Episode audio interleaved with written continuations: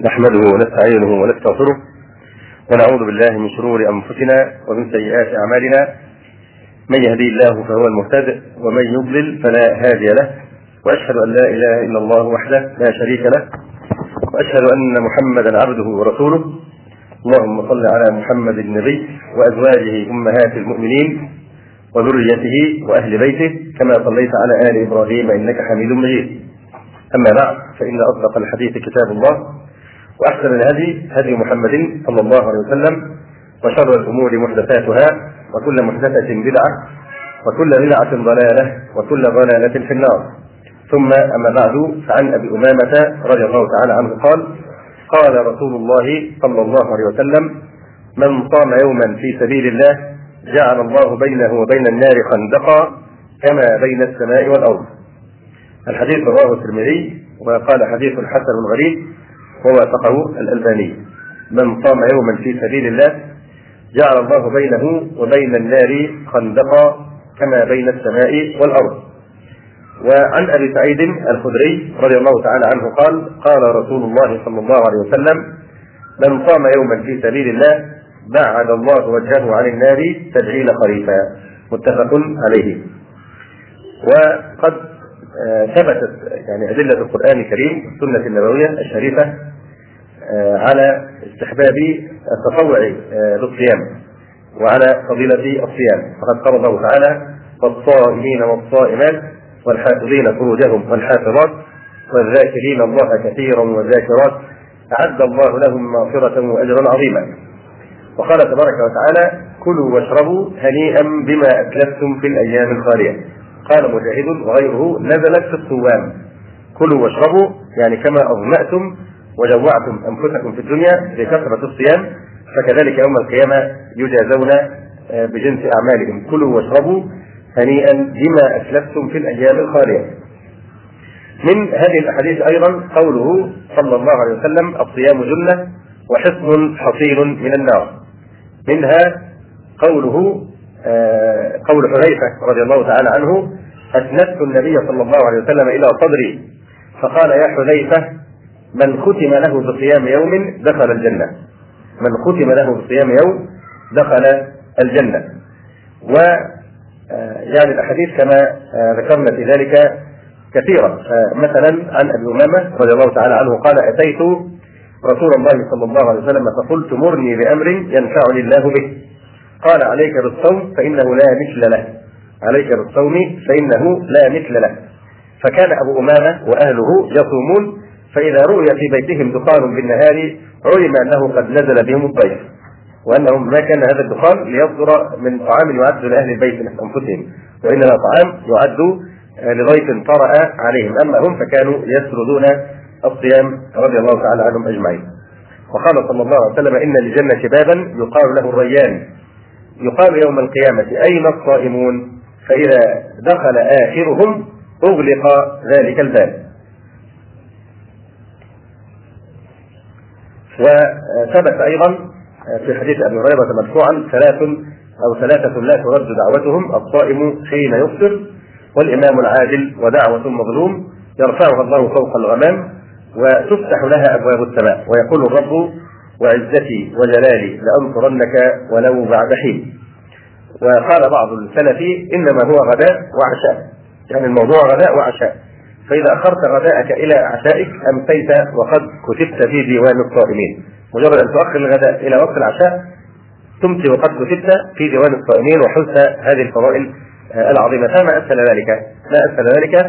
على يعني من علت همته في التسابق في الخيرات وقد قال تبارك وتعالى ولا يزال عبدي يتقرب إلي بالنوافل حتى أحبه.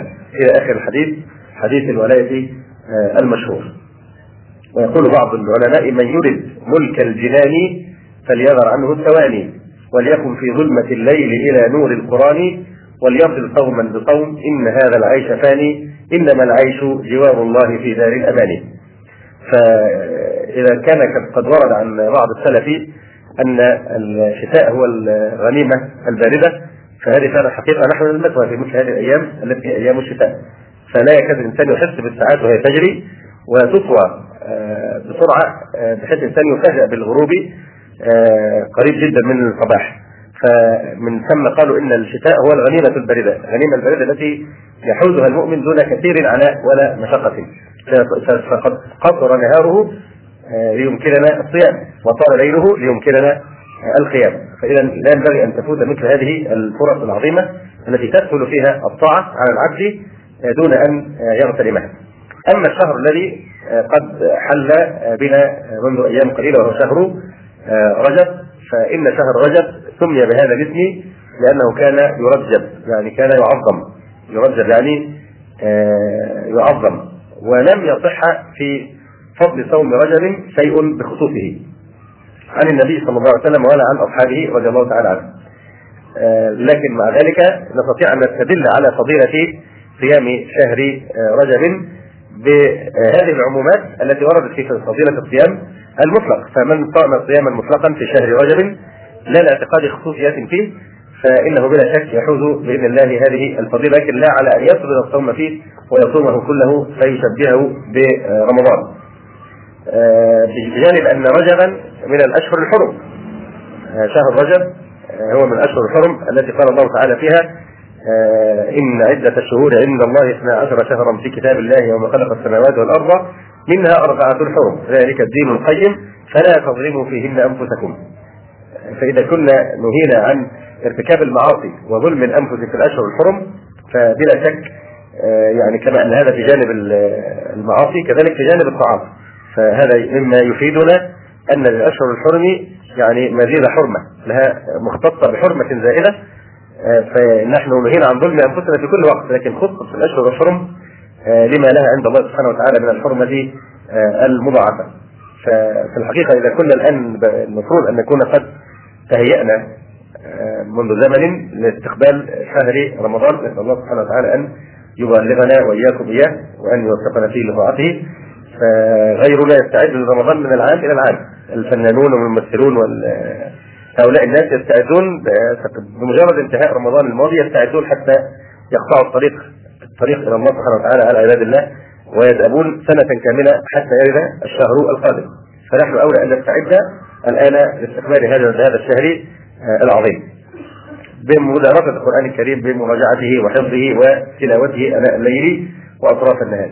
فتعظيم شهر رجب عن طريق الصيام والتدرب على الصيام والقيام فيه ما أمكن لا شك يعتبر يعني نوع من التهيؤ والاستعداد حتى إذا ما أتى شعبان ثم رمضان يكون الإنسان قد آه، يعني أمكنه أن يستغل هذه الفرصة إلى أقصى ما يستطيع. فإن شهر رجب هو مفتاح وبداية أشهر الخير والبركة. قال أبو بكر البلخي رحمه الله تعالى: شهر رجب شهر الزرع يعني الذي فيه توضع البذور، شهر رجب شهر الزرع وشهر شعبان شهر السقي للزرع وشهر رمضان شهر حصاد الزرع. وعنه قال مثل شهر رجب مثل الريح ومثل شعبان مثل الغيث ومثل رمضان مثل المطر.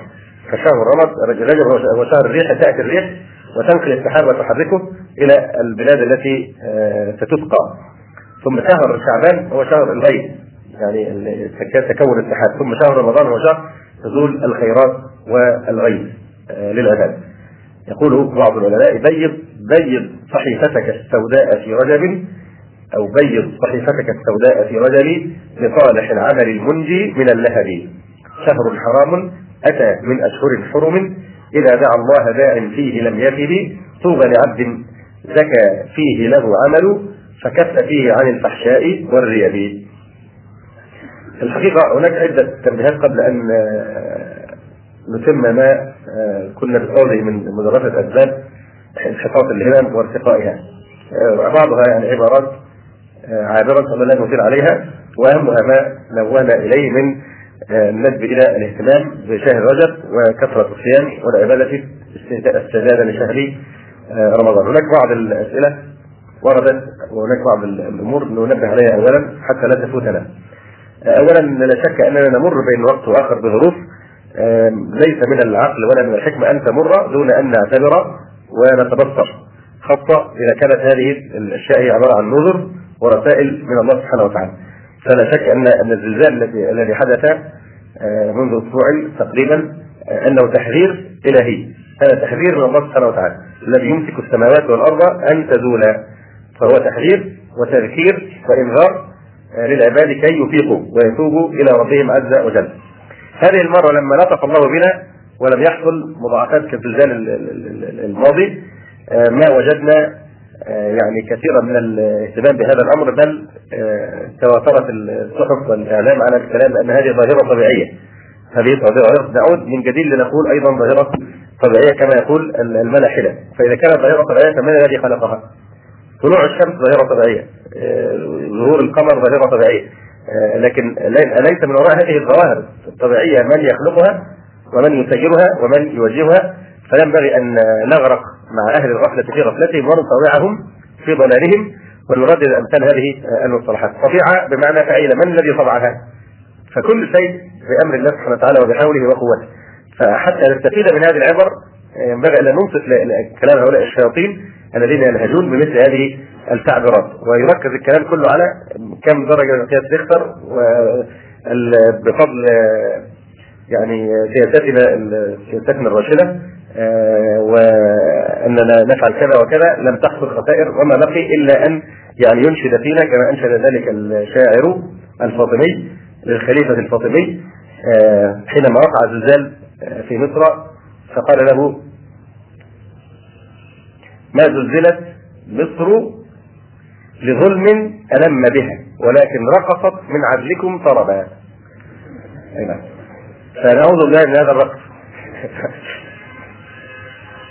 فيعني لابد أن نستحضر أن هذا يعني تحذير آه، من الله سبحانه وتعالى وعلينا أن نتدبر ونكثر من الاستغفار حتى ربما وجود طائفة قليلة من الصالحين الذين يستغفرون الله سبحانه وتعالى قد يكون هذا سببا في تحول عذاب الله تبارك وتعالى آه، عنهم. الأمر الثاني كان هناك حادث أيضا حصل وهو الحادث الشديد الذي حصل في إسلام آباد. لا شك أن هذا أيضا من معالم هذا الزمان الذي نعيشه والفتن الذي التي نحياها. يعني أن يتجرأ آه، إنسان ايا كان هذا الإنسان فضلا عن مسلم أن يريق البناء بهذه الطريقة الموغلة في الفوضى وإنتهاك حرمات الله سبحانه وتعالى. ولذلك ما نكاد نتصور ابدا أو نصدق أن رجلا مسلما يفعل مثل هذا الفعل. وحتى الآن ما وقفنا على أي دليل قطعي وما تكلم أحد بأن هناك دليل على وقوع مثل هذه الحوادث على أيدي من ينتسبون إلى إلى الجماعات الإسلامية. فيصعب جدا أن نصدق أن الجماعه الإسلامية تفعل مثل هذا الفعل البشع إن يعني قنابل بهذه القوة وهذه الضخامة. وتنفجر وتصيب من تصيب وتقتل من تقتل بهذه الطريقة. فلا شك أن هذا يعني لا يجوز بحال من الأحوال وأن هذا يعني من آه، تسويل آه، الشيطان وأن هذا لا يمكن أن يصدر من إنسان يعني صاحب دين وخوف من الله سبحانه وتعالى وأن من فعل هذا بلا شك سيلقون الله سبحانه وتعالى بدماء هؤلاء الناس الذين المسلمين الذين يعني قتلوا في هذا الحادث. فتبا لشيطان التأويل. فحتى لو هل يمكن أن جماعة اسلاميه تستحل مثل هذا الفعل بتأويلات شيطانية وبحجج تحصيل بعض المكاسب السياسية؟ أي مكاسب هذه؟ فوالله تعالى أعلم يعني يعني يشك شك شديد أن يكون هذا مثل حوادث كثيرة. تفجير سيارة الدكتور عمر بن عبد العزيز القرشي في القاهرة الذي اشارت الأصابع بقوة إلى المتاب انها هي وراء هذا الفعل. كذلك نحن لنا حوادث كثيرة قبل ذلك فحدثت أظن سينما أمير أو في أيام إسحاق نافون لما كان رئيسا لإسرائيل وهو الذي كان أرسل هؤلاء الناس حتى يعني ترتفع موجة الهجوم على التيار الإسلامي. فصنعوا مثل هذه الحوادث من قبل في إحدى دور الخياله هنا في إسكندرية وحادثه مشهورة أعتقد في الأواخر الخمسينيات أو أوائل الستينيات لا أذكر بالضبط. فالشاهد مثل هذه الأشياء قد عهدناها من هؤلاء الناس لتحقيق مقاصدهم. أما أن يتصور أن المسلمين يقومون بهذا فهذا إن وقع فإلى الله سبحانه وتعالى المشتكى أن تصل الجرأة على اقتحام حرمات الله بمن ينتسبون الإسلام إلى هذه آه، الصورة يعني البشعة. آه، السؤال وصلني لك أنا ما أجد طريقا للوصول للشخص الذي آه، أرسل هذا السؤال. فلشدة خطورته ننبه عليه وهو أن شخصا شابا من الشبان يعني يعرف فتاة ويبدو أنه تدين يعني من قريب صار متدينا أو ملتزما آه، ثم لما تقدم إلى أبيها رفضه أبوها آه، يبدو من السؤال أن الظاهر أن أباها رفضه بسبب الدين بسبب التزامه فالسؤال هل يمكن أن تتزوجه بدون موافقة وليها؟ بلغني أن بعض الناس الذين تجرؤوا على الفتوى بدون علم آه، فتحوا هذا الباب من الشر وقالوا الاخ لا دم بسبب يعني دينك فلك أن تتزوجها.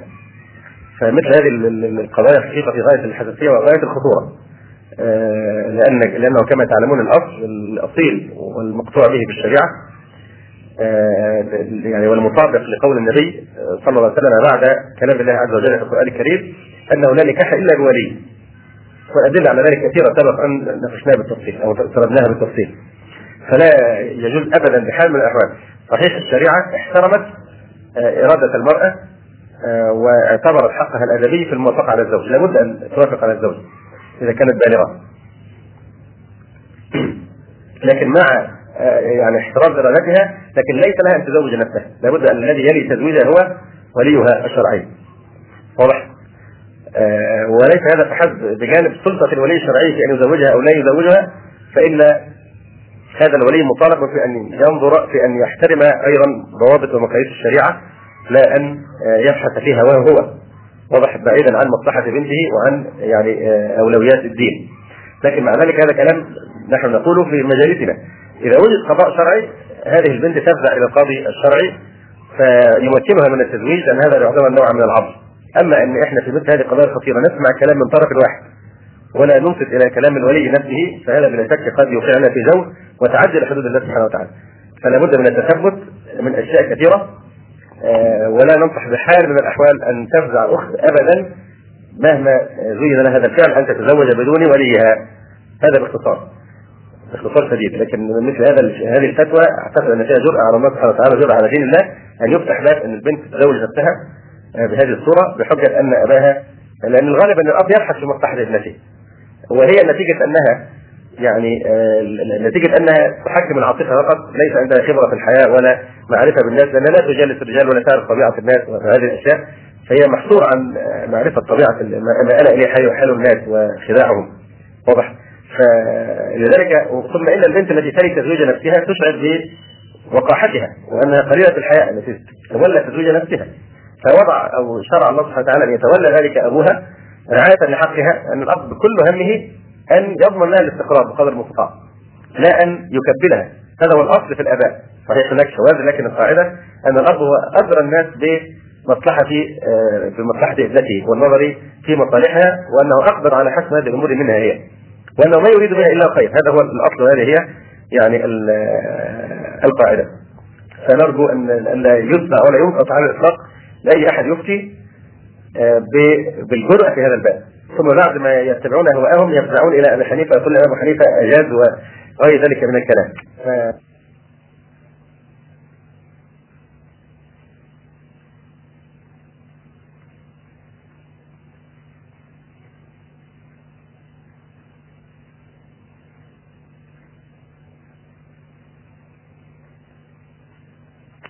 هو غير حنفي في الغالب ومجرد أنه بيلتقط ويتشهى بانتقاء الأقوال التي توافق آه، مآربه فنرجو أن لا يفتح هذا الباب هنا في بلادنا أو في أي مدينة أخرى بأي حال من الأحوال هذه الفتنة فتنة إن تصبح الأمر فوضى بحجة إن الأب لا يريد آه، يعني زوجا متدينا هذا صعب أن نحكم عليه أو نصدقه ويحتاج كثيرا جدا من التحري قبل الكلام في مثل هذه آه، الأمور. التنبيه الأخير بعض الإخوة يعني يقول إنه لاحظ في بعض المحاضرات أو كلام بعض إخواننا من الإخوة الأفاضل استعمال كلمة الفكر السلفي الفكر السلفي.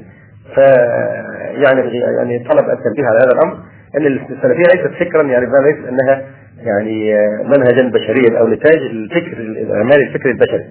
السلفية هي منهج إيه؟ اتباع القرآن والسنة طبق فهم السلف الصالح رضي الله تعالى عنه. فمع كلمة الفكر هذه نترك لمجالات أخرى. أما في عند التعبير عن المنهج منهج أهل السنة والجماعة أو منهج السلفي أو منهج الفرقه الناجيه فلم فلا يعني ينبغي استعمال كلمة الفكر لأنها آه، بذلك تستوي مع الفكر البشري كأنه نوع من النتاج البشري فيه خطأ وفيه صواب بخلاف يعني أسس وأصول المنهج السلفي.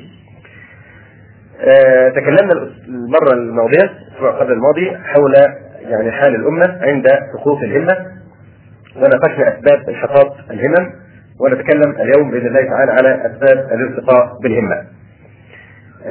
فما هي أسباب الالتقاء بالهمات؟ كل هدف هناك وسائل توصل اليه وعوامل مساعدة تعين عليه.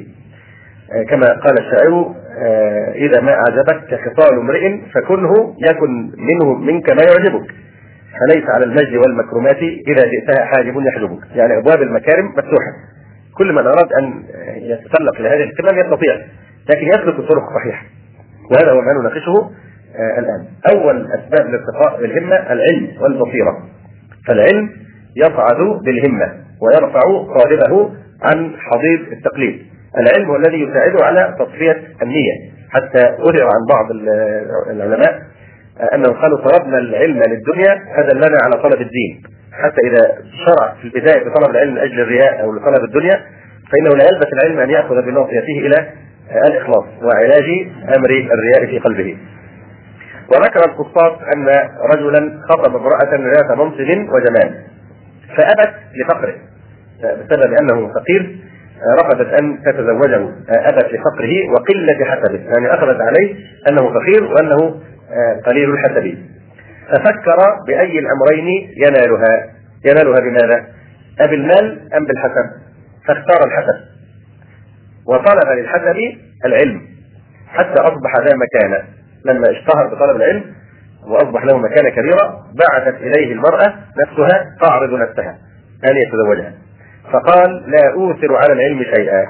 كان قد ذاق حلاوة العلم فقال لا أوثر ولا أفضل أبدا على العلم وأنا أن يتزوجها. أي نعم. هذا العلم ارتفع بهمته عن أن آه يعني عن أن آه يحصر همه في نيل مثل هذا المطلب الدني يذكرني هذا بقصة شاب إنجليزي لعل بعضكم يعرفه آه كان يدعى ميجل بريطاني آه، له قصة طريفة كان رحل من بريطانيا إلى مصر على الدراجة. رحل وحده بدراجة آه، من بريطانيا إلى اليونان ثم ركب مركب إلى لبنان وكان في الطريق يشتغل قليلا ثم يجمع من المال ثم يتم رحلته. حتى مر على فلسطين ثم مر على سيناء وأتى هنا إلى مصر. ثم تجول في داخل مصر إلى وصل هنا الإسكندرية فقابله شاب يسوق يقود التاكسي تعرف عليه ودعاه إلى بيته. المهم أنه يعني صار بينهما نوع من الصداقة. ثم رأى بنت الجيران في حي قريب هنا من هذه المنطقة فأراد أن يتزوجها هذا الشاب الإنجليزي. فقالوا قال أهلها إن لابد أن تكون مسلما إنها مسلمة لا تتزوج من غير مسلم.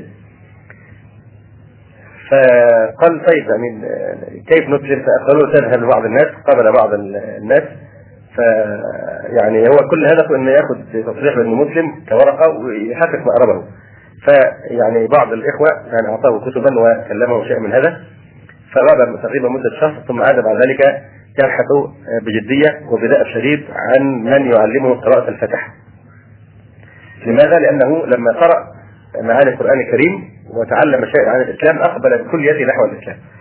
فكان أن دخل في الإسلام ولله الحمد ولما ذكروه بموضوع هذه الفتاة فقال أنا كنت أطلب الإسلام من أجل المرأة أما الآن فلا أتحول عن الإسلام إلى مقصد آخر. وما فكر بعد في أن ينال الزواج من هذه المرأة. ولله الحمد هذا الأخ يعني أتقن اللغة العربية جدا درس في الأزهر في القاهرة وحفظ القرآن الكريم كله. ولله الحمد. أي نعم. الشاهد يعني أن العلم بالوحيين بالقرآن والسنة والمعاني العظيمة فإذا يرتفع بهمة الإنسان عن أن آه، يعني يتدنى. أيضا العلم من فضائله أنه يورث صاحبه الفقه بمراتب الأعمال. فإذا عرف مراتب الأعمال يقدم الأهم على المهم ويتقي فضول المباحات التي تشغله عن عبادة الله سبحانه وتعالى سواء كان فضول الأكل أو فضول النوم أو فضول الكلام. ثم العلم يدفعه إلى أن يراعي التوازن والوسطية بين الحقوق والواجبات. امتثالا لقول رسول الله صلى الله عليه وآله وسلم فأعطي كل ذي حق حقه. أيضا العلم هو الذي يبصره بحيل إبليس وتلبيسه عليه. لأن إبليس قد ياتيه ويحاول أن يحول بينه وبين فعل هو يعني آه، بين فعل أكثر ثوابا مما يفعله يشغله بالمفضول عن الفاضلين. قال أبو سليمان يجيئك يعني إبليس يجيئك وأنت في شيء من الخير فيشير لك إلى شيء من الخير دونه ليربح عليك شعيره يربح عليك شعيره آه، من أسباب الارتقاء بالهمة إرادة الآخرة وجعل الهموم هما واحدا. إرادة الآخرة يعني تمحيض الإرادة وتمحيص الإرادة والنية والقصد إلى طلب الآخرة بلا منازع. قال الله تعالى: ومن أراد الآخرة وسعى لها سعيها وهو مؤمن فأولئك كان سعيهم مشكورا. لا تجدون في القرآن الكريم آية فيها الكلام على من يفعل الدنيا بنفس بنفس المثابة. وإنما ومن أراد الآخرة وسعى لها سعيها وهو مؤمن فأولئك كان سعيهم مشكورا. وقال صلى الله عليه وسلم من كانت همه الآخرة جمع الله له شمله وجعل غناه في قلبه وأتته الدنيا راغمة ومن كانت همه الدنيا فرق الله عليه أمره وجعل فقره بين عينيه ولم يأته من الدنيا إلا ما كتب له. فرزق يعني الرزق لا يجره حرص حريص ولا يرده كراهية كان الرزق مضمون. أما الجنة فليست مضمونة إلا بالعمل الصالحين. من أسباب الالتقاء بالهمة كثرة ذكر الموت. لأن كثرة ذكر الموت يدفع إلى العمل للآخرة والتجافي عن دار الغرور ومحاسبة النفس وتجديد التوبة وإيقاظ العزم على الاستقامة فكل هذه المقاصد الشريفة إنما تحصل بكثرة ذكر الموت. عن البراء بن عازب رضي الله تعالى عنه قال بينما نحن مع رسول الله صلى الله عليه وسلم إذ بصر بجماعة فقال على ما اجتمع عليه هؤلاء؟ قيل على قبر يحفرونه.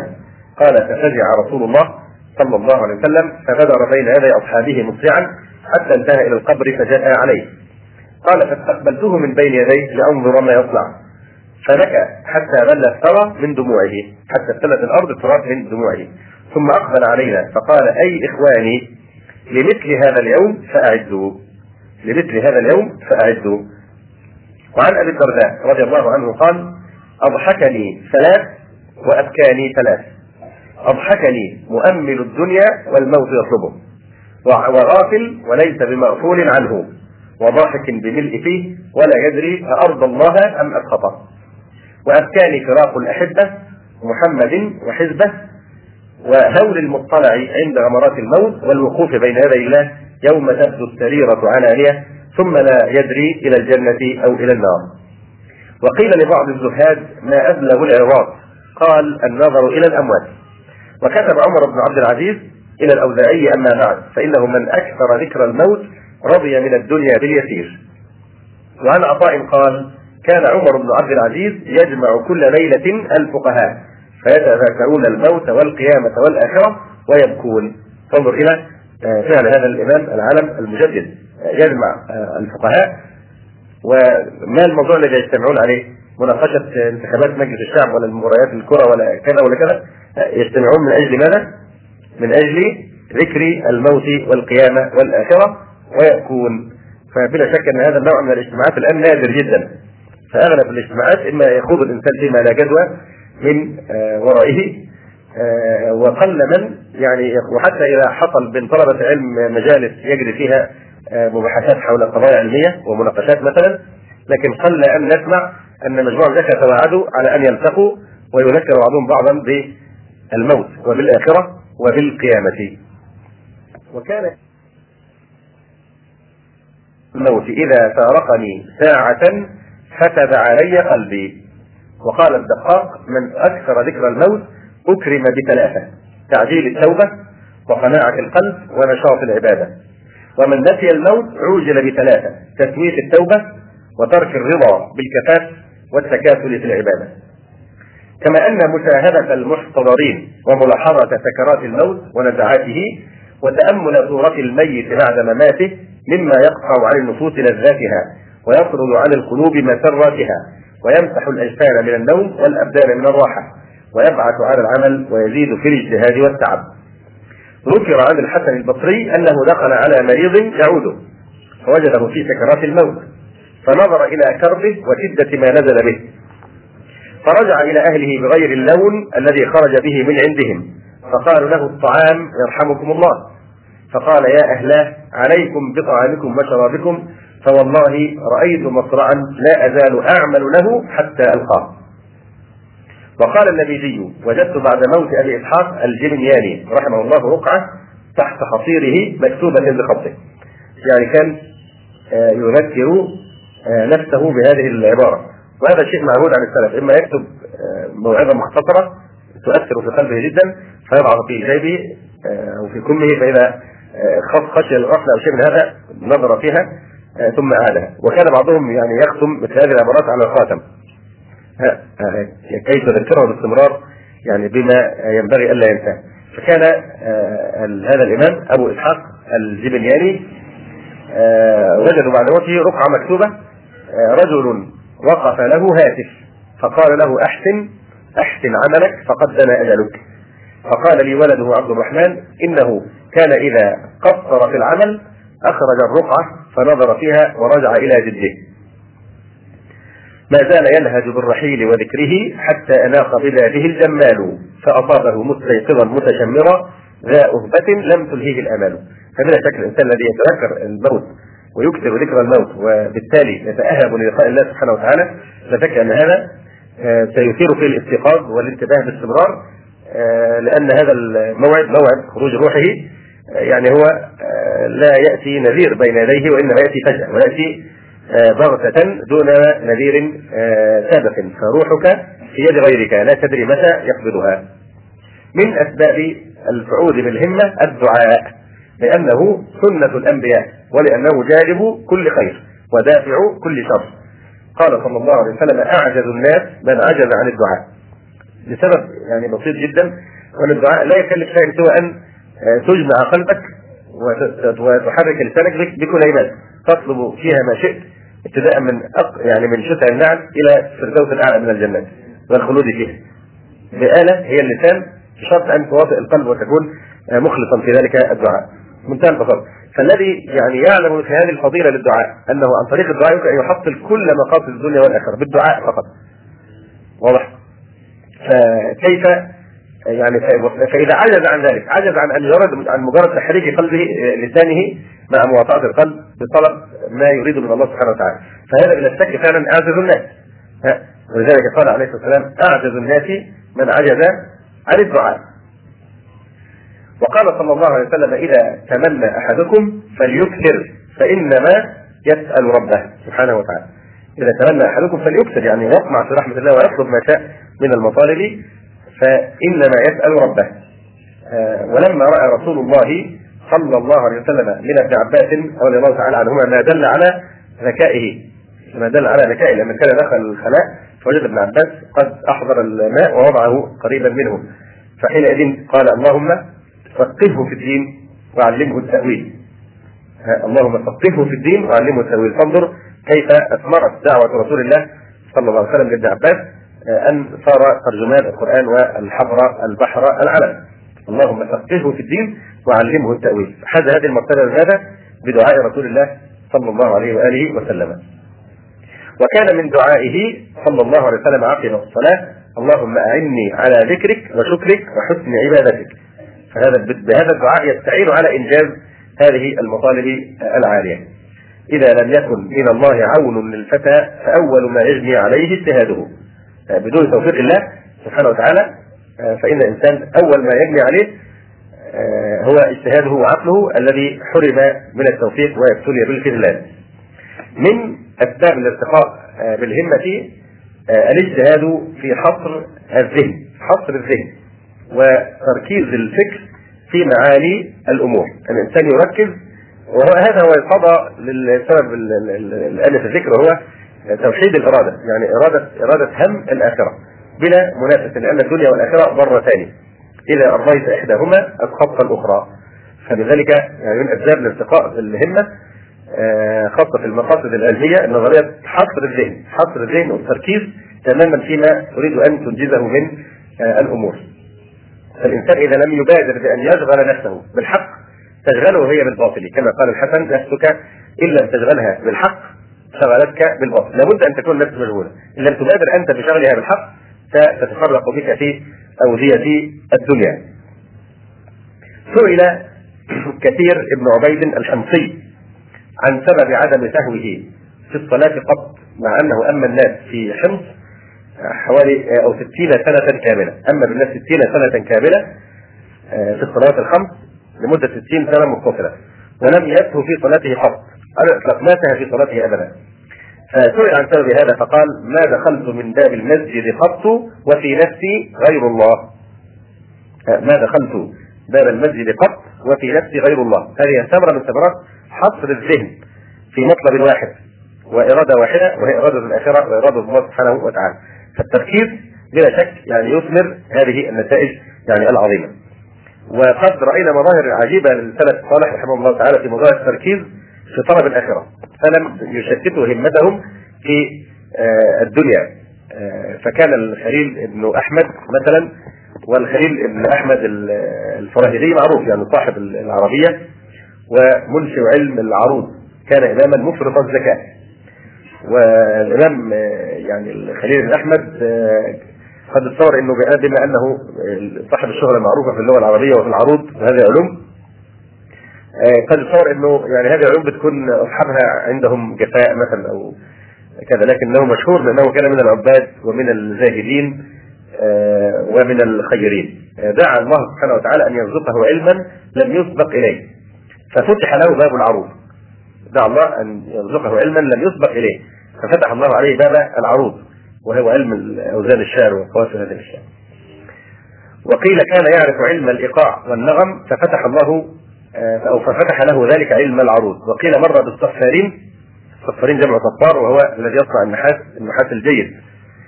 آه، فمر بالصفارين فأخذه آه، يعني أخذ علم العروض من وقع مطرقة على فص كان رجل يعني يضرب بالمطرقة على فص من النحاس. فبطريقة منتظمة.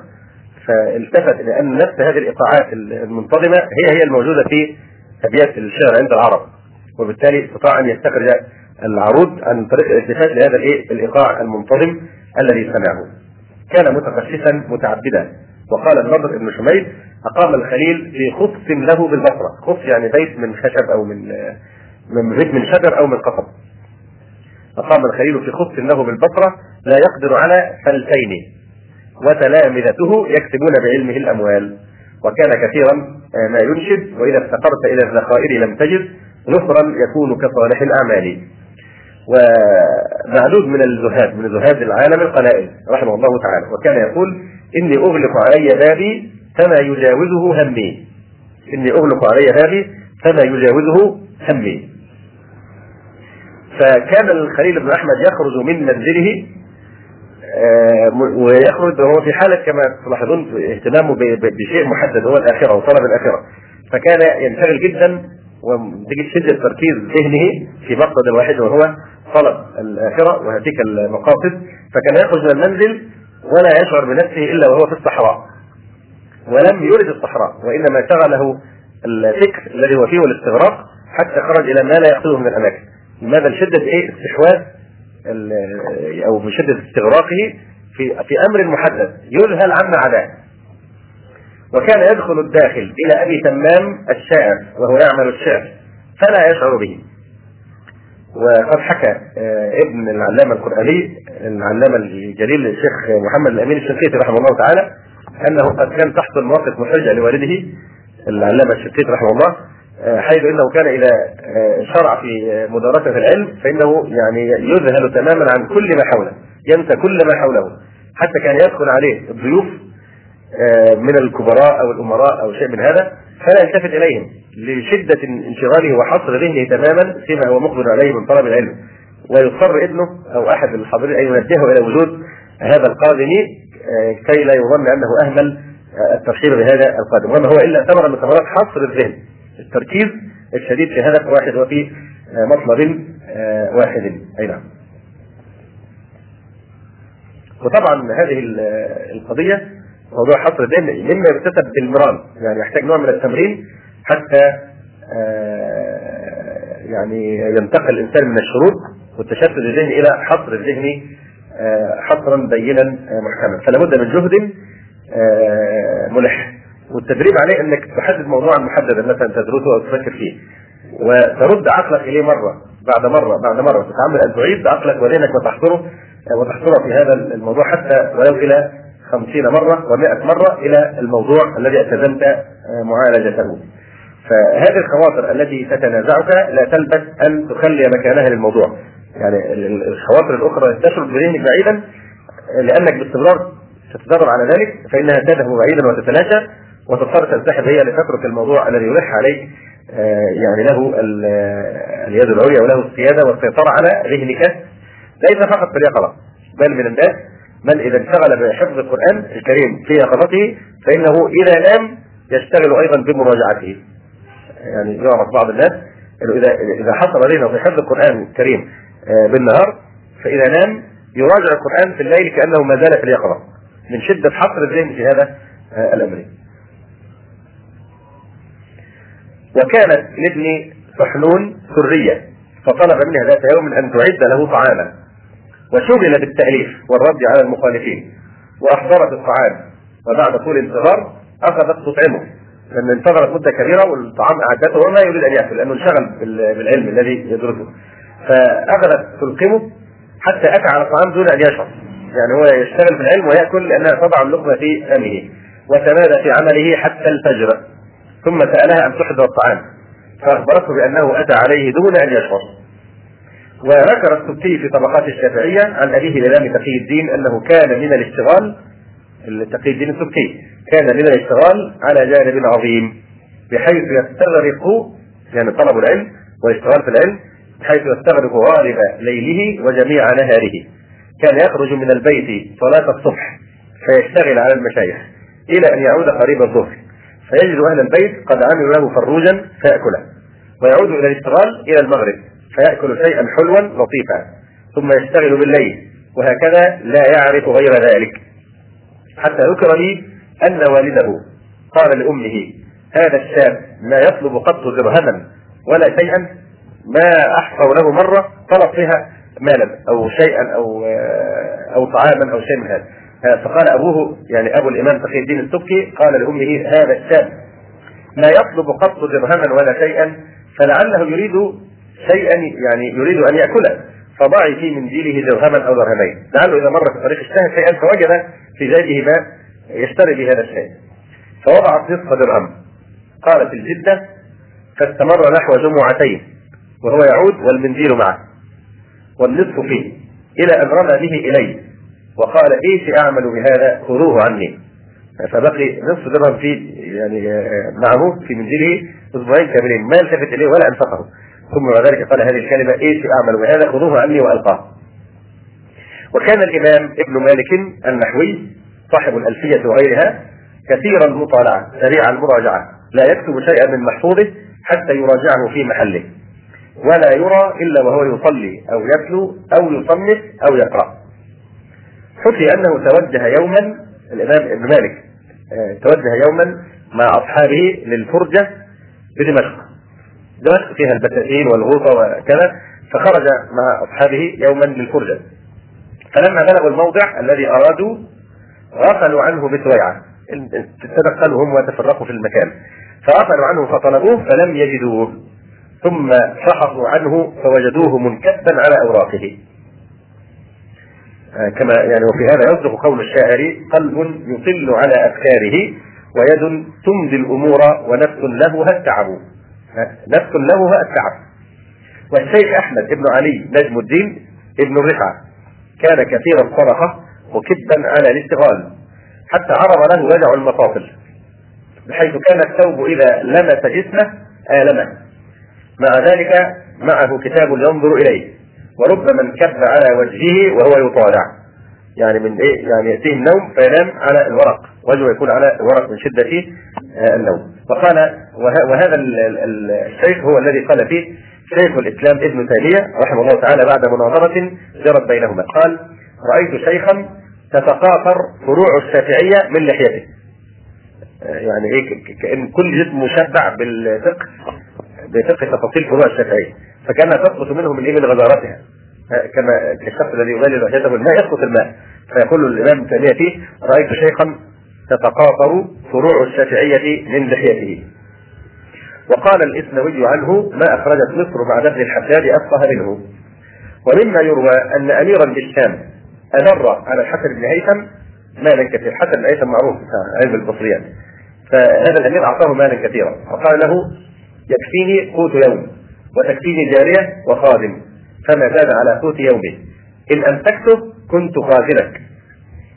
وإن أنفقته كنت كهرمانك ووكيلك. وإذا اشتغلت بهذين الأمرين فمن الذي يشتغل بأمري وعلمي؟ اللقاء بالهمة أمر في الحقيقة آه، لا يلتفت إليه كثير آه، من الناس. إلا حينما آه، يفتقدون هذه النعمة. آه، وأيضا حتى بعض طلبة العلم الذين يتأثرون بالمنهج الصوفي وما أخطر المنهج الصوفي على الهمة العالية يعني يعني يتمثلون قول بعض شعراء الصوفية وساعات يعظمون كلام الصوفية بصورة مرضية. دون أن يتفصلوا إلى آه، يعني الأخطاء في مثل هذه العبارات. مثلا قول شاعرهم آه، يا خادم الجسم كم تشقى بخدمته؟ أتطلب الربح مما فيه خسران؟ أقبل على النفس فاستكمل فضائلها فأنت بالنفس لا بالجسم إنسان. فتجد ترى يهمل في صحته. آه، يهمل في صحته يهمل في تغذيته إلى أن يعني يصبح الشاب في ريعان شبابه مثل الشيخ العجوز الذي احتوذب منه الظهر ويعني صار هرما فالموضوع الذي نقصده هنا أو السبب الأسباب هو الإهتمام بالصحة سواء كانت الصحة البدنية أو الصحة النفسية. واضح الانسان يهتم بصحته وبعافيته ويتوقع كل ما من شأنه أن يؤثر في صحته. لسبب بسيط جدا وهو أننا من قبل المرة الماضية لما تكلمنا عن آه، أسباب انحطاط الهمه ذكرنا منها العجز والكسل. العجز والكسل. وقلنا الإنسان قد يعذر في العجز لكنه لا يعذر في الكسل. لماذا؟ لأن العاجز عن الشيء هو هو طاقته محدودة. يحاول لكنه لا يستطيع فيعجز. أما الكسول فهو يقدر لكنه لا يقوى على المقاومة. فالإنسان إذا أهمل صحته أو تمادى في الأسباب التي آه، تهدر هذه النعمة العظيمة من نعم الله سبحانه وتعالى أن رأس مال الإنسان في الدنيا هو الصحة. واضح؟ فإذا أهمل صحته أو تعاطى الأسباب التي تحطم هذه الصحة سواء كان التدخين الإدمان أو غير ذلك من الأمور التي تهدر آه، صحة الإنسان وعافيته. فبلا شك هذه قد تؤول إلى آه، كثير من الأمراض. الأمراض تؤدي إلى العجز. إلى العجز. آه، وتؤدي أيضا إلى الكسل. واضح فهذا من ثم تهبط يعني همته. فلنحي هذه المفاهيم الصوفية جانبا يا خادم الجسم قد تشقى بخدمته أتطلب الربح مما فيه خسرانه؟ إذا لماذا كان المسلمون يجاهدون؟ بالنفس فقط أم بالبدن؟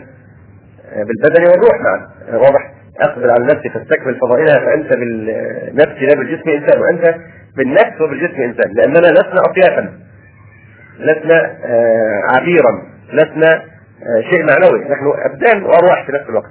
فالإنسان يهتم بصحته آه، يهتم بتغذيته ولا يفرط ما دام ذلك في استطاعته في صحته لأن هذا من أسباب أنه إذا أراد شيئا يستطيع أن ينفذه. أما إذا ضعف وأهدر آه، صحته فبلا شك انه حتى الصيام لن يستطيع الصيام. حتى الصيام لن يستطيع الصلاة لن يستطيع الصلاة سيضعف عن الصلاة. فإذا لابد الإنسان أن يعني يحافظ على قاعدة التوازن بين واجبات الجسم وواجبات الروح معا خاصة في زمن الشباب أو بالضبط في زمن المراهقة الذي هو فترة نمو الجسم. الإنسان إذا اهتم بصحته في هذه الفترة آه، الجسم يتفاعل مع هذه الرغبة ويعطيه أيضا. واضح؟ فإهمال الرياضات البدنية النافعة طبعا بالشروط الشرعية. آه، واهمال التغذيه والإعراض عن ذلك بحجة أن الصوفية قالوا يا خادم الجسم كم تشقى بخدمته نقول أيضا يا مهمل الجسم كم تشقى بإهماله آه، فتبيت على الفراش وتصيبك الأمراض وتعجز عن اداء آه، وظائفك سواء كانت الدينية أو آه، الدنيوية. من أسباب الارتقاء بالهمة هو التحول عن البيئة المثبطه. فبلا شك البيئة محيطة بالإنسان لها أثر جسيم لا يخفى. فإذا كان الإنسان يعيش في بيئه مثبطه داعية إلى الكسل والخمول وايثار الدون فإن آه، الشخص لا يستطيع أن يرقى في همته إلا إذا هجر هذه البيئة وتحول عنها وأبدلها ببيئة آه، عاليه الهمه. فلابد يهجرها لماذا؟ لكي يتحرر من سلطان تأثيرها وينعم بفرصة الترقي إلى المطالب العالية. يقول الشاعر: تقول ابنة السعدي وهي تلومني أما لك عن دار الهوان رحيل فإن عناء المستنين إلى الأذى بحيث يذل الأكرمون طويل. وعندك محبوك الثرات مصهب وفي الكسر مسرور الشباب ثقيل. يعني هي تلوم على أن يبقى في دار الهوان والمذلة وأن يتحول ما دام يقدر على ذلك. تقول ابنة السعدي وهي تلومني أما لك عن دار الهوان رحيل فإن عناء المستنين إلى الأذى. بحيث يذل الأكرمون طويله. سيعاني طويلا. ما دام يعيش في هذه البيئة المثبطه وعندك محبوك التراث مطهم. المحبوك اللي هو الفرس يعني الفرس المحبوك هو الفرس القوي الشديد. آه، محبوك التراث ثرات الفرس هي أعلى متنه أعلى ظهره. آه، مطهم وهو التام المتناهي في الحسن. وفي الكف مسرور الشبات ثقيل. المسرور ذو المنظر والرواء والهيئة الحسنة. والشبات هي حد طرف السيف. والثقيل المجلوب يعني ما دام عندك فرسك ومعك سيفك لماذا تبقى في في دار الهوان؟ ارحل إلى حيث تعز وأفضل من هذا أن نستدل بالأدلة الشرعية التي آه، جعلت التحول عن مثل هذه البيئة التي تفسد الدين وتفسد الهمة فرضا على المسلم. أليس قد آه، فرض الله سبحانه وتعالى على المسلم أن يهاجر من دار الكفر إلى دار الإسلام؟ أليس قال العلماء إن الهجرة باقية؟ من دار الكفر إلى دار الإسلام ومن دار البدعه إلى دار السنة ومن دار المعصية إلى دار الطاعة. اذا هي سنة ماضية. آه، تنظر إلى هذا المبدأ الذي نناقشه وهو آه، حتمية التحول من البيئة المثبطه لأن الإنسان بلا شك إذا وجد في مثل هذه البيئات فإن ذلك ينال من همته منالا. وآية ذلك ما نرى في أغلب الذين يعيشون في بلاد الكفار ويرتضون هراجين عن بلاد المسلمين. نجد آه، الرضا بالدنيا وإنه ما يستطيع بعد ذلك أن يتحمل ان ياتي هنا ويعيش مع المسلمين. بل وهذا إذا لم ينظر للمسلمين في بلادهم بنظره التعالي والاحتقار والازدراء والشذر بسبب ماذا؟ انه بلا شك يتأثر شاء أم أبى بمثل هذه البيئات آه، يعني المنحرفة.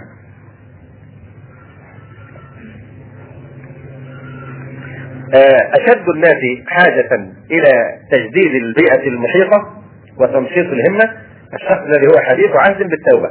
يعني الإنسان إذا كان في بداية توبته فهو أحوج الناس إلى هذه هذا التحول عن البيئة آه، المثبطة لماذا؟ لأنه إذا تحول آه، عن البيئة بيئة المعصية مثلا والفسق إلى بيئة الطاعة والاستقامة هذا من شأنه أن ينفيه ما يجذبه إلى صحبة السوء وأماكن السوء.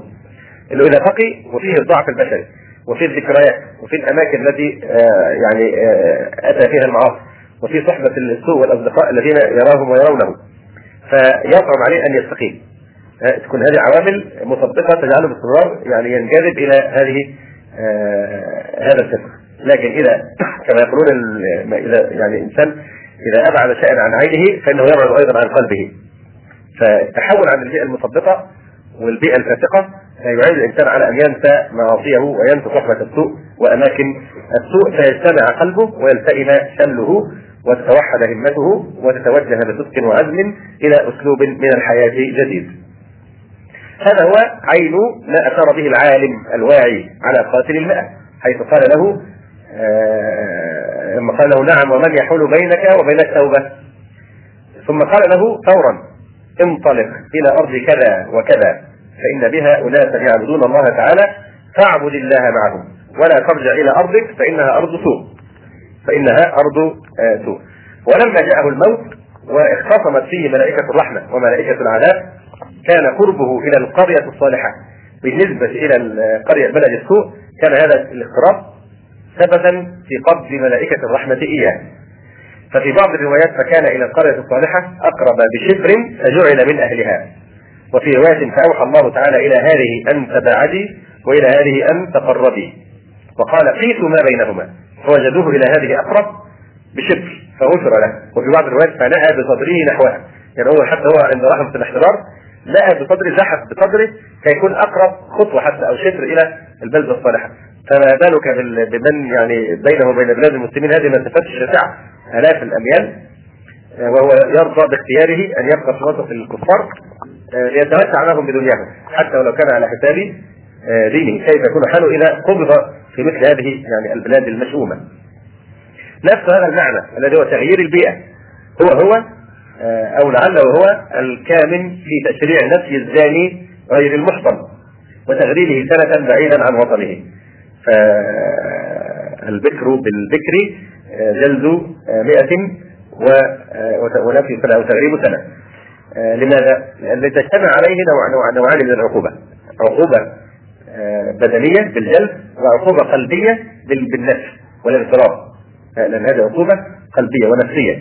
بجانب أن هناك مصلحة أخرى من أن هذا الذي ارتكب هذه الفاحشة اذا نفي إلى بعيدا عن عن هذه البلد التي ارتكب فيها هذه المعصية.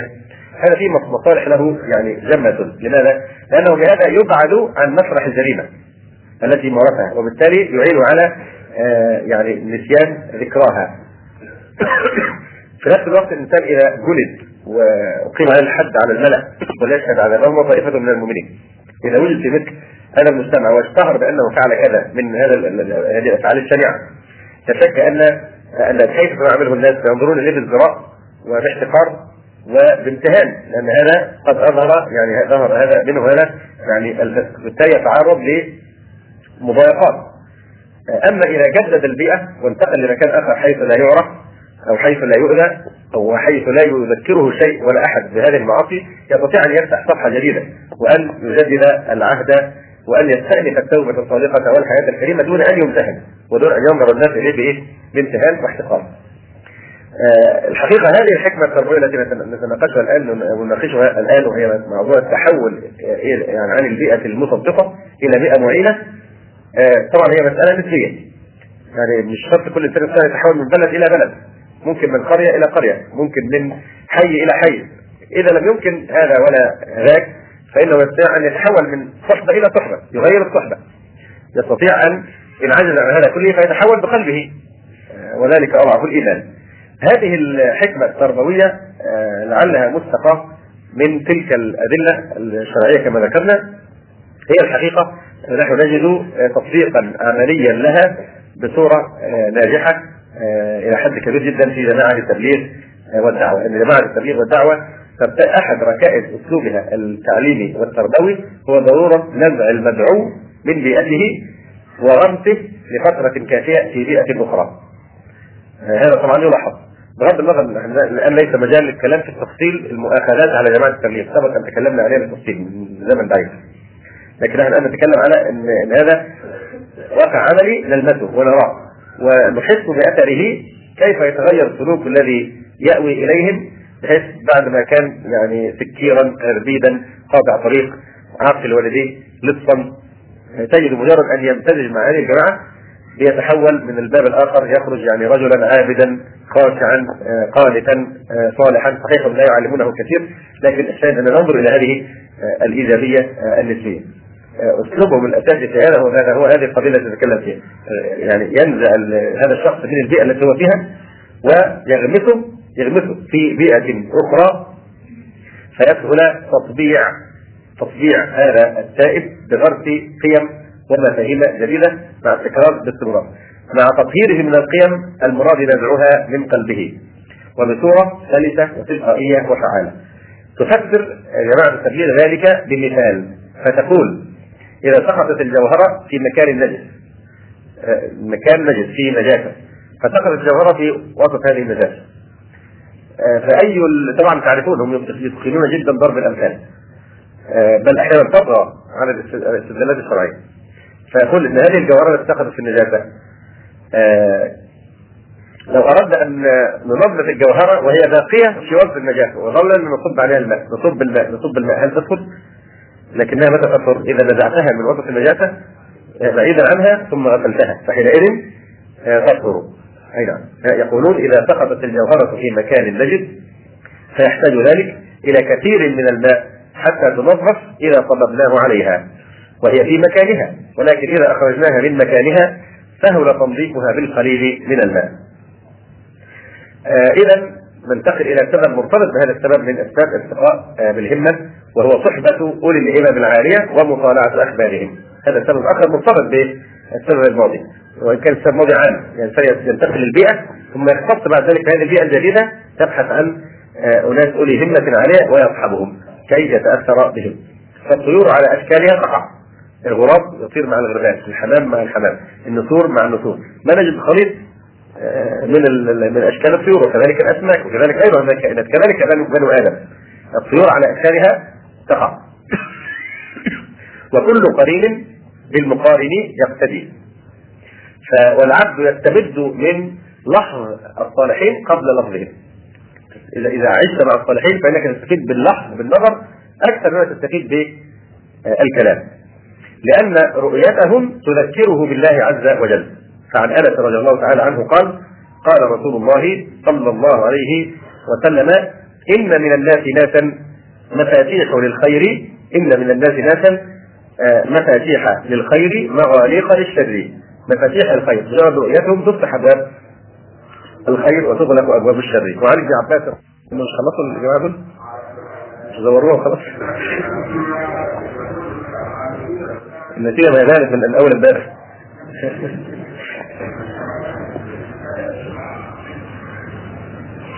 وعن ابن عباس رضي الله عنهما عن النبي صلى الله عليه وسلم في قوله تعالى ألا إن أولياء الله لا خوف عليهم ولا هم يحزنون. قال هم الذين يذكر الله لرؤيتهم. هم الذين يذكر الله هذه علامة أولياء الله. ف... يعني أنهم مباركون حيث ما كانوا. إذا رآهم الناس تذكروا الله سبحانه وتعالى. وربما الإنسان فعلا يشعر أحيانا يمضي مثلا في الطريق ويكون غافلا عن ذكر الله. فإذا رأى رجلا آه، يتحرك تتحرك شفتاه بذكر الله سرعان ما ينتبه الإنسان الغفله ويقتدي به في هذا. آه، تركب مثلا المواصلات تجد رجلا آه، منزويا في جانب ويمسك المصحف الشريف ويقرأ من القرآن. أولياء الله المبثوثون في كل مكان يذكرون الناس بلحظهم قبل أن يذكروهم بلفظهم. وروي عن أبي عبيدة ابن عبد الله ابن مسعود قال كان الربيع بن خثيم إذا دخل على ابن مسعود لم يكن له إذن لأحد حتى يفرغ حتى يفرغ كل واحد من صاحبه. فقال له ابن مسعود يا أبا يزيد لو رآك رسول الله صلى الله عليه وسلم لأحبك وما رأيتك إلا ذكرت المخبتين. فانظر إلى رجل ينبهر به عبد الله بن مسعود ويقول له لو رآك رسول الله صلى الله عليه وسلم لأحبك وما رأيتك إلا ذكرت المخبتين. ولذلك كان ابن مسعود يعمله معاملة خاصة. فكان إذا دخل ربيع بن خثيمة على عبد الله بن مسعود ينقطع المقابلات ولا يمكن يقابل أحدا ابدا إلى أن يفرغ من حاجته من ابن خثيم ثم بعد ذلك يقابل الآخرين. وقالت العرب لولا الوئام لهلك الأنام. لولا الوئام لهلك الأنام. معنى الوئام هنا بالذات هنا في هذا العباره الوئام معناه التشبه بالكرام. التشبه بالكرام. قال الموردي في معنى هذه الكلمة لولا الناس يرى بعضهم بعضا. فيقتدى بهم من الخير وينتهى بهم عن الشر لهلكوا. لأن الانغماس في البيئة الصالحة والبيئة الطيبة آه، ووجود الوئام الذي آه، هو يعني آه، ثمرة هذا الاختلاط فالناس حينما يحتك بعضهم بعض يتعلمون من بعض فيرى الصالحون ويقتدى بهم وأيضا يجتنب الشر عن طريق هذا الوئام. لولا الوئام لهلك الأنام. وقال زيد العابدين علي بن الحسين بن علي رضي الله عنهم إنما يجلس الرجل إلى من ينفعه في دينه. تحرى ألا تجلس إلا إلا لمن ينفعك في دينك. أنت في الناس تقاس بالذي اخترت خليلا فاصحب الأخيار تعلو وتنل ذكرا جميلا وعن جعفر قال كنت إذا وجدت من قلبي قسوة نظرت إلى وجه محمد بن واسع نظرة. وكنت إذا رأيت وجه محمد بن واسع حسبت أن وجهه وجه تكلى. يعني من شدة حزنه وخوفه من الآخرة. وقال ابن المبارك إذا نظرت إلى فضيل جدد لي الحزن ومقدت نفسي. هذا ومن الذي يقول؟ عبد الله بن المبارك رحمه الله الإمام الجليل آه، المبارك آه، الذي هو من من سادات المسلمين رحمه الله تعالى. ومع ذلك يقول في الفضيل بن عياض إذا نظرت إلى فضيل جدد لي الحزن ومقدت نفسي. يمقت نفسه ويكره نفسه لتقصيرها في طاعة الله عن التشبه بهذا العبد الصالح. وكان الإمام أحمد إذا بلغه عن شخص صلاح أو زهد أو قيام بحق أو اتباع للأمر سأل عنه وأحب أن يجري بينه وبينه معرفة وأحب أن يعرف أحواله. فهذه كانت من خصائص منهج الإمام أحمد آه، في علاقته بالناس. إذا سمع عن رجل يأمر بالمعروف أو ينهى عن المنكر أو مجتهد في العبادة أو مجتهد في آه، العلم أو الزهد أو الصلاح أو غير ذلك من هذه الأمور العالية يسأل عنه ويبحث عنه ويحرص على أن تجري بينه وبينه معرفة وأخوة ويتابع أحواله باستمرار.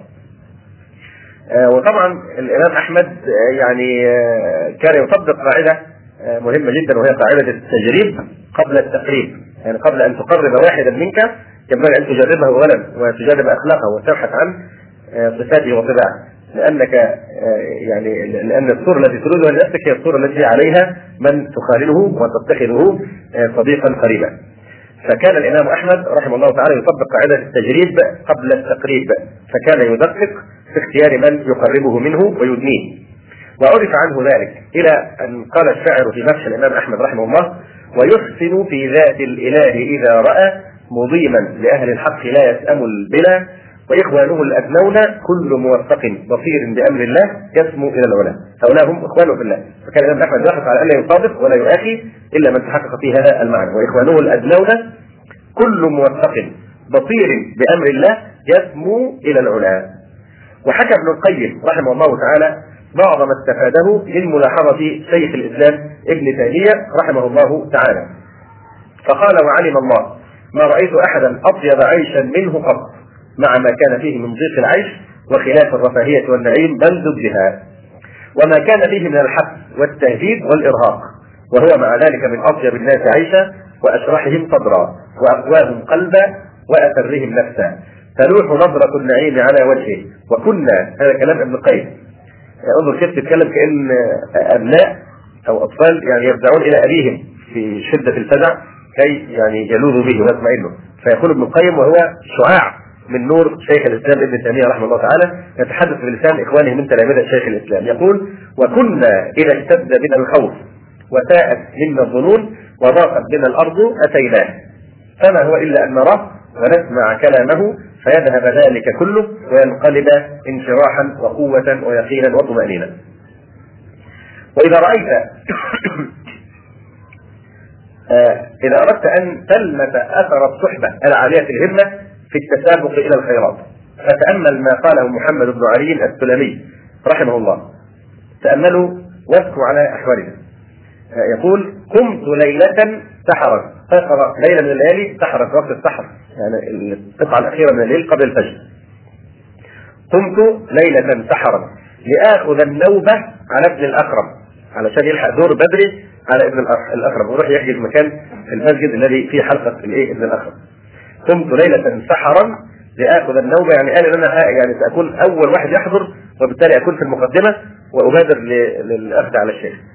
ف يعني أكثر من كده إيه؟ استيقظ في السحر وخرج من البيت وراح حجز مكان في الحلقة. قمت قمت ليلة سحرا لآخذ النوبة على ابن الأكرم فوجدت قد سبقني ثلاثون قارئا. ثلاثون من إخوانه طبعا علو همة شيء يعني ما شاء الله. ثلاثون سبقوه يعني معناها استيقظوا قبل أو أتوا قبل ذلك بفترة. يقول فوجدت فوجدت قد سبقني ثلاثون قارئا ولم تدركني النوبة إلى العصر. وقال علي بن الحسين ابن شقيق قمت لأخرج مع ابن المبارك في ليلة باردة من المسجد. فذكرني عند الباب بحديث أو ذاكرته فما زلنا نتذاكر حتى جاء المؤذن للصبح. ما شعروا بالوقت. هم يتذكرون طول وهم قيام وفي ليلة باردة إلى أن جاء المؤذن يؤذن لصلاة الصبح.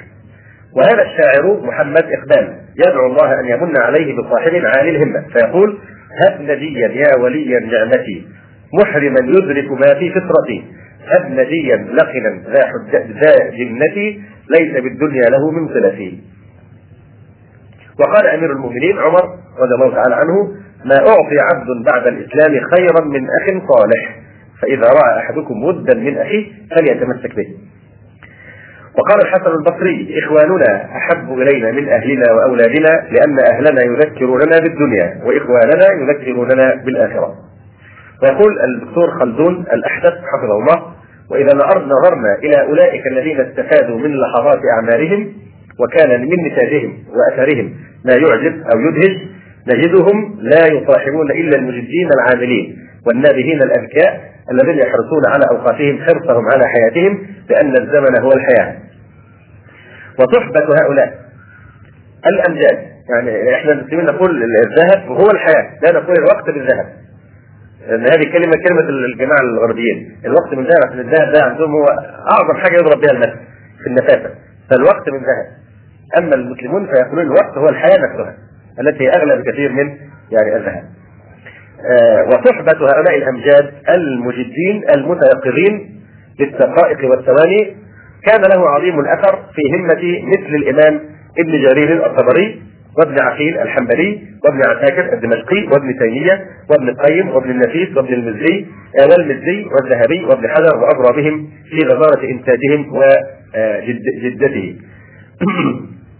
يقول الإمام ابن عقيل الحنبلي صاحب كتاب الفنون قال واطمني الله من عنفوان الشبيبه بأنواع من العزمه وقصر محبتي على العلم وأهله فما خالطت لعابا قط ولا عاثرت إلا أمثالي من طلبة العلم. فكان أحد أسباب توفيقه آه أنه قصر صحبته على آه كبير الهمة. فالحريص الموفق الذي يروم المعالي لا تراه إلا مع أهل العلم العاملين وأولي الفضل والمجاهدة والحكمة والبصيرة ليرشح عليه ما هم فيه أو بعضه فيكون مثلهم أو قريبا منهم. إن صحبة هؤلاء تعلم منافسة الزمان وصحبة البطالين تعلم تضييع الزمان. طبعا صحبة البطالين الآن ليس فقط عن طريق اتخاذ أصدقاء بطالين يعني بمعنى لعابين لاهين غافلين إنما هناك نوع آخر من الصحبة يعني على الأقل الانسان إذا صاحب يعني كائنا حيا بطالا أو فاسقا حتى ففي نوع من التفاعل يعني ممكن انت تؤثر فيه أو هو يؤثر فيك. لكن في صاحب سوء بل هو اسوء أصحاب السوء هو يؤثر فيك فقط. وأنت ما تفعل سوى إنك بتستسلم له تفتح دماغك ويصب ما شاء من الأفكار والمفاهيم وهو جهاز التلفاز والعائله التلفزيونية كلها. التلفوز التلفزيون وتوابعه لا شك إن هذا من من أقبح وأخف وأشنع صور صحبه البطارين المسلمين لأنك تصاحب من؟ والنظر في الصور بلا شك ينضل على القلب. حينما تنظر للممثلات والفنانات والفنانين والمطربين والرقصات والراقصين والعلمانيين والملحدين وغير هؤلاء من أشكال وأنواع من الفسقه والفجرة والكفرة. لا شك أن هذا سينطبع على قلبك. شئت أم أبيت؟ صحيح تلك كنت ركبه لكن شئت أم أبيت فإنك تنطبع في قلبك يعني آثار شؤم هؤلاء الفسقه والفجره الذين تتخذهم مش تتخذهم صحابه إحنا بنجعلهم أساتذة لأولادنا. يدخلون البيوت يعلمون البنات فنون الهوى والعشق والغرام يعلمون الشباب الفتاه والمجون ويشغلون الامه كلها بالتوافه من الأمور. كل الأبطال مين؟ الفنانين. هم دول الأبطال وهم دول العظماء وهم دول آه الذين يبنون المستقبل وهم كذا وكذا وكذا.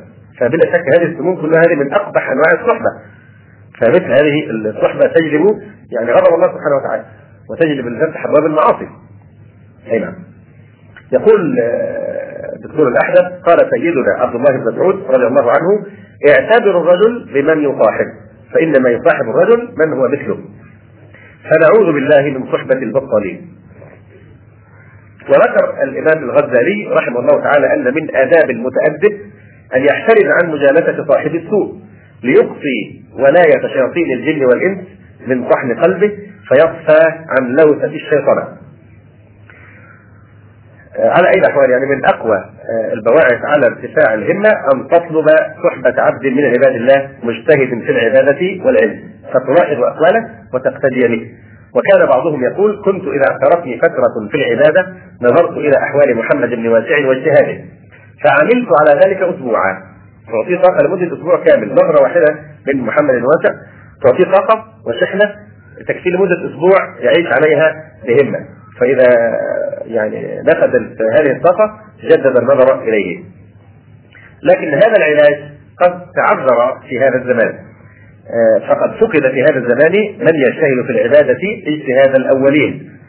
فإلا من رحم الله سبحانه وتعالى وقليل ما هم. فينبغي في هذه الحالة أن يعدل من المشاهدة إلى السماع، فلا شيء أنفع من سماع أحوالهم ومطالعة أخبارهم، ومن هنا تكمن أهمية مطالعة كتب التراجم مثل سير أعلام النبلاء وحلية الأولياء وغير ذلك من كتب يعني التراجم. فالإنسان يتأمل حينما يطالع سير هؤلاء الصالحين كيف يعني انقضى تعبهم وبقي ثوابهم ونعيمهم أبد الآمال لا ينقطع إن شاء الله. ماتوا وغيب في التراب سقوطهم والنسر مسك والعظام رميم. وينصح الإمام ابن الجوزي طالب العلم قائلا: فسبيل طالب الكمال في طلب العلم الاطلاع على الكتب التي قد تخلفت من المصنفات فليكثر من المطالعة فإنه يرى من علوم القوم وعلو هممهم ما يشحذ خاطره ويحرك عزيمته للجد وما يخلو كتاب من فائدة ثم يقول وأعوذ بالله من سير هؤلاء الذين نعاشرهم لا نرى فيهم ذا همة عالية فيقتدي بها المبتدي ولا صاحب ورع فيستفيد منه الزاهد. فالله الله وعليكم بملاحظة سير السلف ومطالعة تصانيفهم وأخبارهم فالاستكثار من مطالعة كتبهم رؤية لهم. كما قال فاتني أن أرى الديار بطرفي فلعلي أرى الديار بسمعي. فاتني أن أرى الديار بطرفي فاتني أن أعيش مع السلف وأراهم بعيني.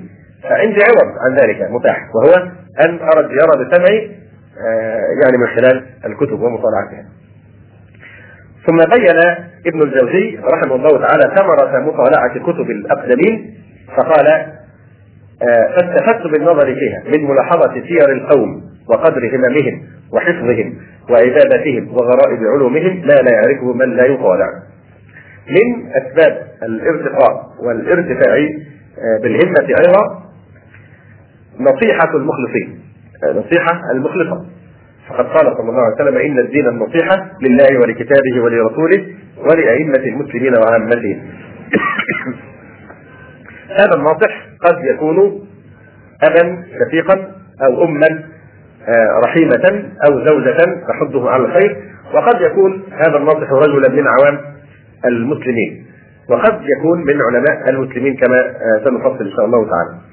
فقد يكون هذا الناصح الأمين الذي ينصحك ويوجهك وينفعك في الارتقاء بهمتك أبا شفيقا. قال سفيان بن عيينة قال لي أبي وقد بلغت خمس عشرة سنة. إنه قد انقضت عنك شرائع الصلة. انتهت موضوع الطفولة بقى والصلة. إنه قد انقضت عنك شرائع الصلة. فاتبع الخير تكن من أهله فجعلت وصية أبي قبلة أميل إليها ولا أميل عنها.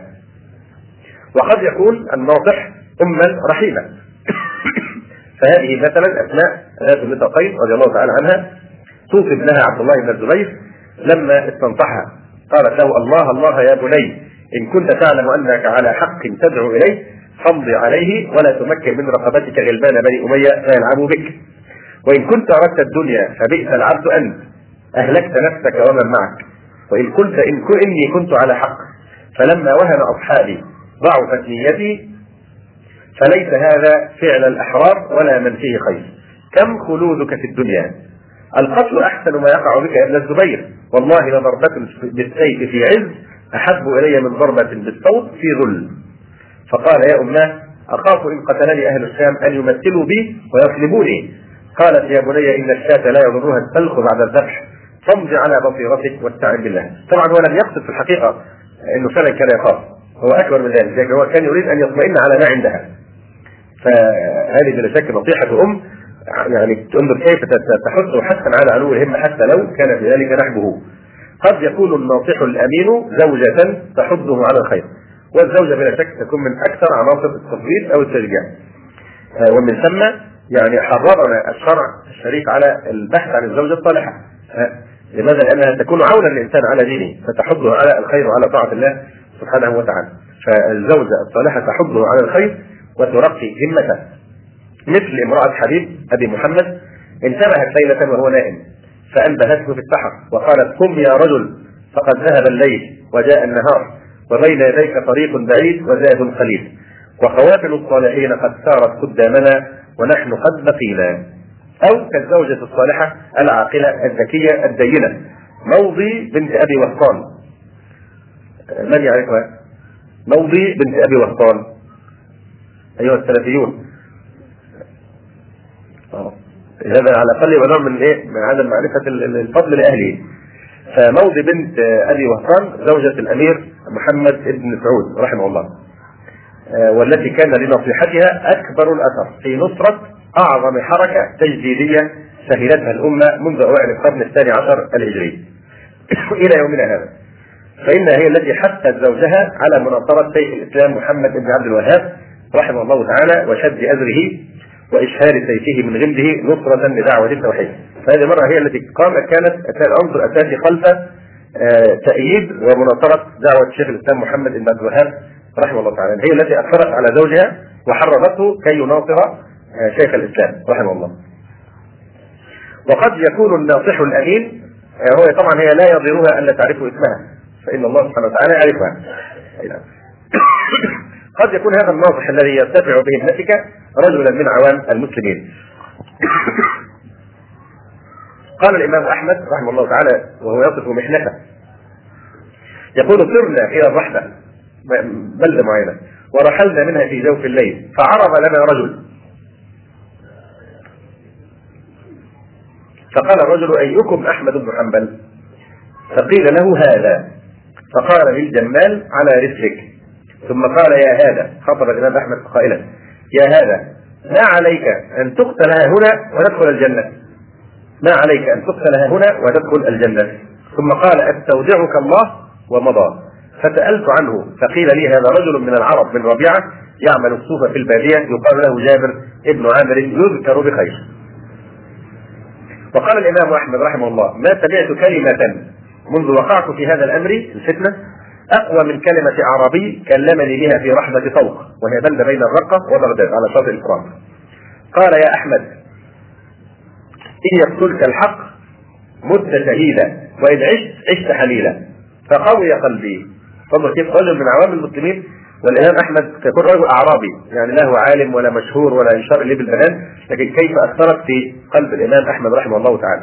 يا أحمد إن يقتلك الحق مت شهيدا وإن عشت عشت حميدا. فقوي قلبي. وحكى الحافظ ابن كثير رحمه الله أن اعرابيا نصح الإمام أحمد في المحنه فقال يا هذا إنك وافد الناس فلا تكن شؤما عليهم.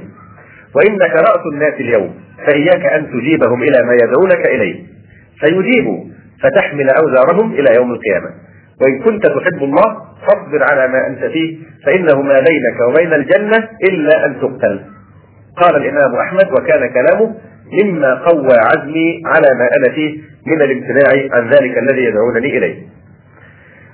وما أحسن ما كتب رجل أثره الصليبيون في بيت المقدس من أبيات سبق أن تكلمنا في موضوع أهمية التشجيع آه، في كتاب الهمة. فهذا السبب وهو النصيحة هو من التشجيع. يدخل من نفس الباب يعني. أن التشجيع يكون له أثر عظيم جدا في الارتفاع والارتقاء آه، بالهمة. وذكرنا من قبل أن يكفي أن التشجيع آه، جعله الله سبحانه وتعالى فرضا على المسلمين في بعض الأحوال.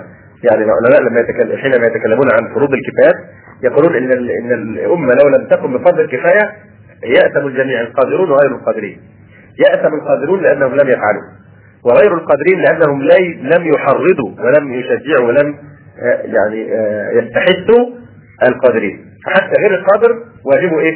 أن يحث القادر. ولذلك الإنسان لا يحتقر ابدا أي نصيحة أو أي كلمة تشجع يعني إخوانه القائمين بأمر الدعوة أو بالأمر الله سبحانه وتعالى.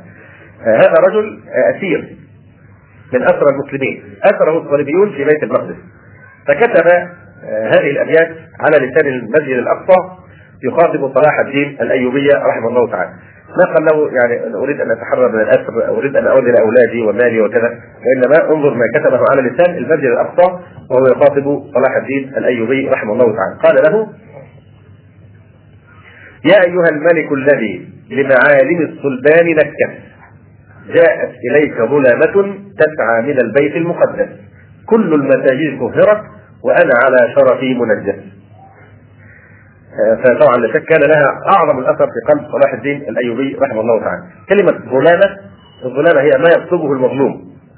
يعني آه، يعني هي اسم أخذ منه ظلما. فالمسجد الاقصى كأنه يخاطب صلاح الدين يا أيها الملك الذي لمعالم الصلبان نكت جاءت إليك ظلامه تسعى من البيت المقدس كل المساجد طهرت وأنا على شرفي منجس. أما نصائح العلماء فلا تسأل عن حسنها وعميق أثرها في انبعاث الهمة سيق الإمام أحمد إلى المأمون مقيدا بالأغلال وقد توعده وعيدا شديدا قبل أن يصل إليه حتى إن الخادم قال للإمام أحمد رحمه الله تعالى يعز علي يا أبا عبد الله أن المأمون قد سل سيفا لم يسله له قبل ذلك وأنه يقسم بقرابته من رسول الله صلى الله عليه وسلم لئن لم تجبه إلى القول بخلق القرآن ليقتلنك بذلك السيف. فانبرى أبو جعفر الأنباري يشد أزر الإمام. قال رحمه الله ولما حمل أحمد إلى المأمون أخبرت فعبرت الفرات فإذا هو جالس في الخان فسلمت عليه. فقال يا أبا جعفر تعنيت أتعبت نفسك. فقال يا هذا أنت اليوم راس والناس يقتدون بك فوالله لئن أجبت إلى خلق القرآن ليجيبن خلق وإن لم تجب ليمتنعن خلق من الناس كثير. ومع هذا فإن الرجل إن لم يقتلك فأنت تموت. لا بد من الموت فاتق الله ولا تجب فجعل أحمد يبكي ويقول ما شاء الله. ثم قال يا أبا جعفر أعد. فعدت عليه وهو يقول ما شاء الله. وقال الإمام أحمد رحمه الله واصفا حال رفيقه في المحنة وهو محمد بن نوح. ما رأيت أحدا على حداثة سنه وقدر علمه أقوم بأمر الله من محمد بن نوح. إني لأرجو أن يكون قد ختم له بخير. قال لي ذات يوم يا أبا عبد الله الله الله إنك لست مثلي. أنت رجل يقتدى بك.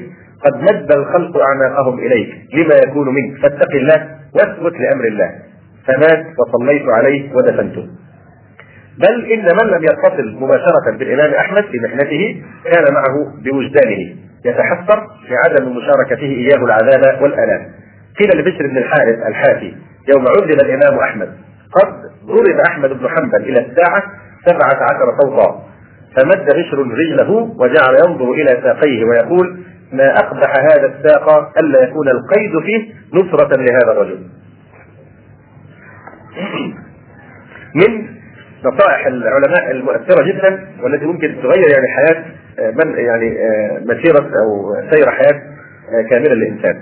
يقول الإمام الذهبي رحمه الله تعالى إن الحافظ القاسم بن محمد البرزالي رحمه الله يقول هو الذي حبب إلي طلب الحديث فإنه رأى خطي فقال خطك يشبه خط المحدثين فأثر قوله في وسمعت منه وتخرجت به في أشياء. انظر الإمام الذهبي الذي هو الإمام الذهبي ولا نستطيع أن نقول أكثر من هذا. سر عظمته في علم الحديث وتوغله في هذا العلم هو هذه الكلمة العابرة التي قالها له الحافظ البرزلي حينما نظر إلى خطه فقال له خطك يشبه خط المحدثين. يقول الذهبي فأثر قوله في وسمعت منه وتخرجت به في أشياء.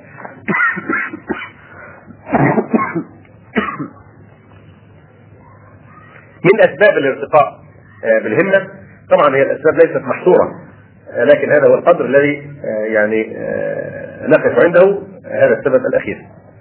المبادرة والمداومة والمثابرة في كل الظروف. يقول الله تعالى يا أيها الذين آمنوا اصبروا وصابروا ورابطوا واتقوا الله لعلكم تفلحون. وقال أيضا وجاهدوا في الله حق جهاده.